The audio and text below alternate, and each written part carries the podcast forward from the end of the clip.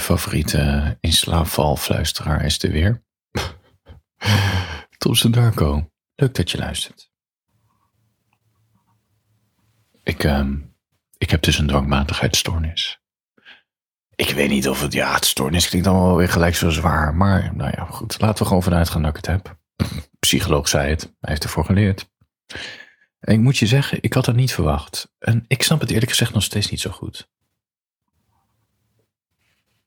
Behalve dan dat ik elke dag van mezelf minstens 60 minuten moet bewegen. En als ik niet 60 minuten beweeg, dan moet het sowieso 10.000 stappen zijn. Maar ja, vaak als ik 10.000 stappen heb gezet, dan ben ik wel anderhalf uur aan het bewegen. Dus als ik niet 10.000 stappen heb gezet, dan moet ik wel 60 minuten bewegen. Weet ik veel, op de fiets of zo.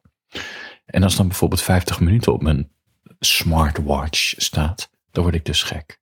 En ik word nog gekker als er 9600 stappen staat. En dat moet opgelost worden in mijn hoofd, anders blijft het overheersen. Voel ik me slecht, kan ik niet slapen, kan ik nergens van genieten.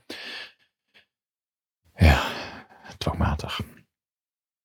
Maar het is niet allemaal kommer en kwel hoor, want mijn zelf opgelegde discipline, er zitten ook echt voordelen aan. Bijvoorbeeld dat ik vier leuke e-mails schrijf per week, die verstuur ik, eh, sorry, per dag nee, vier, vier dagen in de week om zes uur naar mijn uh, steuners. En ik neem minstens vier tot vijf spraakberichten per week op. Jij hoort er een aantal. Als je geabonneerd bent, hoor je ze allemaal. Ik werk ondertussen gewoon aan een boek. Ik loop een beetje tussendoor het aan te klooien met mijn marketing en andere zijprojectjes. Ik probeer één boek per week te lezen. Wat eigenlijk neer, op neerkomt dat ik drie boeken per week open en weinig uitlees.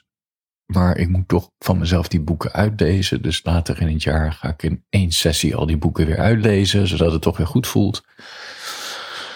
Ja, dat. En dit, deze, laat me zeggen, zelf opgelegde discipline, dat geeft me een vervuld en ontspannen gevoel. En dat laat me het leven ervaren als iets zinvols. Dit voelt voor mij zinvol genoeg. En dit dwangmatigheidsgedoe heeft me ook geholpen toen ik nog een kantoorbaan had, 40 uur per week. Terwijl ik in mijn vrije tijd een beetje uh, sombere, hitsige verhaaltjes online zat te schrijven op psychokiller.eu. Dat ik gewoon kon sparen, zodat ik toe kon werken aan het moment dat ik zei: Tot ziens iedereen, ik ben nu volledig Thomson Narco, de tyfus. Maar goed, ik besef ook dat het soms een beetje kan doorslaan. Ik kan dus hele dialogen met mezelf voeren. Of ik nu wel of niet extra die deur uit moet om die 60 minuten te halen en die 10.000 stappen. En ik kan ook niet normaal wandelen. Ik moet van mezelf in maximaal 60 minuten 6 kilometer afleggen. En je vraagt je natuurlijk af, voor wie doe ik dit allemaal? En wat gebeurt er als ik het niet haal? Ja, dat weet ik natuurlijk ook wel. Er gebeurt helemaal niks. Maar er gebeurt ook niks als ik het niet haal. Behalve een schuldgevoel, frustratie, zelfhaatgevoel van laten we dan maar gewoon stoppen met leven als ik dit niet eens kan uitvoeren. Ja, ik weet het. Het is echt vermoeiend. Maar het is niet dat ik per se extreme schuldgevoelens heb. Weet je, ik snap ook wel weer tegelijkertijd de relativiteit van alles in. Weet je, dat het zelfgecreëerde problemen zijn in mijn hoofd. Dat ik niet altijd zo streng hoef te doen. Dat mijn gedachten ook, dat ik ook wel eens een keer lief voor mijn gedachten mag zijn. In plaats van dat die gedachten niet lief voor mij zijn, snap je? En het is ook een beetje dat je op een gegeven moment op een leeftijd komt dat je denkt, ja, dit is ook gewoon zoals mijn hoofd werkt. Waarom zou ik het willen aanpassen? Toch? Waarom moet ik mezelf een probleem aanpraten? Ik heb er niet, op, ik heb er niet echt per se last van. Het voelt meer als een spel dat ik met mezelf speel. En om eerlijk te zijn, ik heb liever een obsessie voor 10.000 stappen dan een obsessie voor alles 10.000 keer schoonmaken om de dag, omdat je anders denkt dat je besmet raakt. Want dat is natuurlijk ook dwangmatigheid.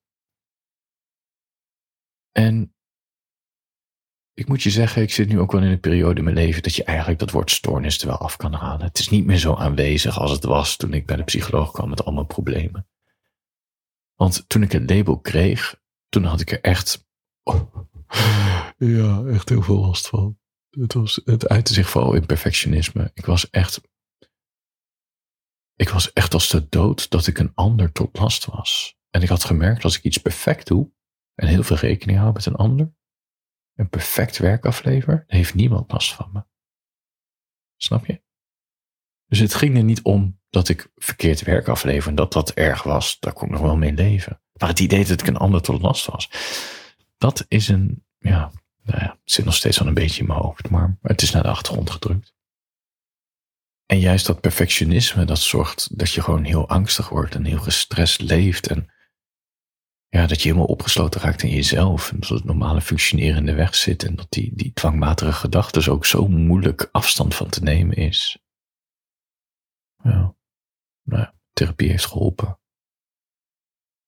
Ik ben nu ook gewoon bewust dat het aanwezig is in mijn hoofd. En het is ook grappig als ik het weer opmerk als ik dwangmatig aan het doen ben. En ook wanneer het een beetje uit de hand, uit de hand aan het lopen is.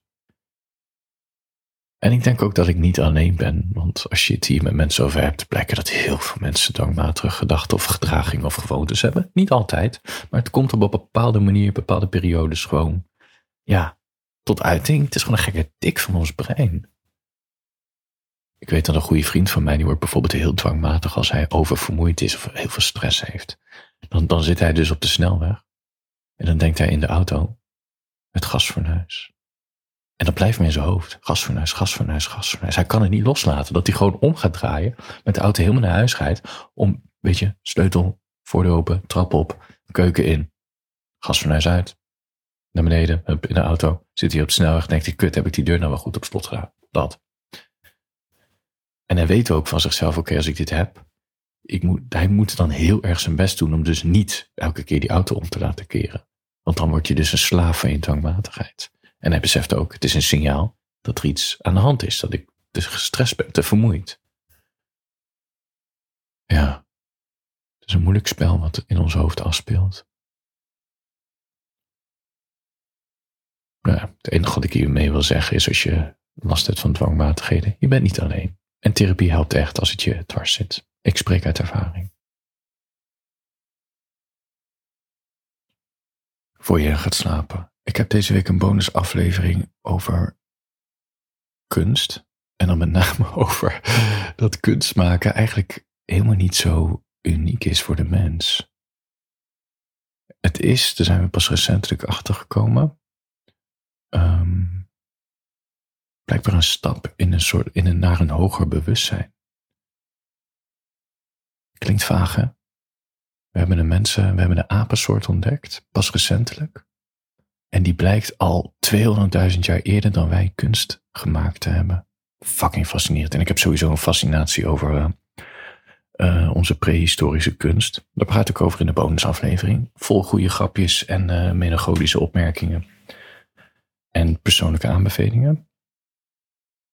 Petjeaf.com slash Darko. Kan je ook naar mijn weekupdate luisteren. Over mijn worsteling als kunstenaar. Hartstikke leuk. En je steunt mij en ik steun jou. Slaap lekker. Handjes boven de tekens.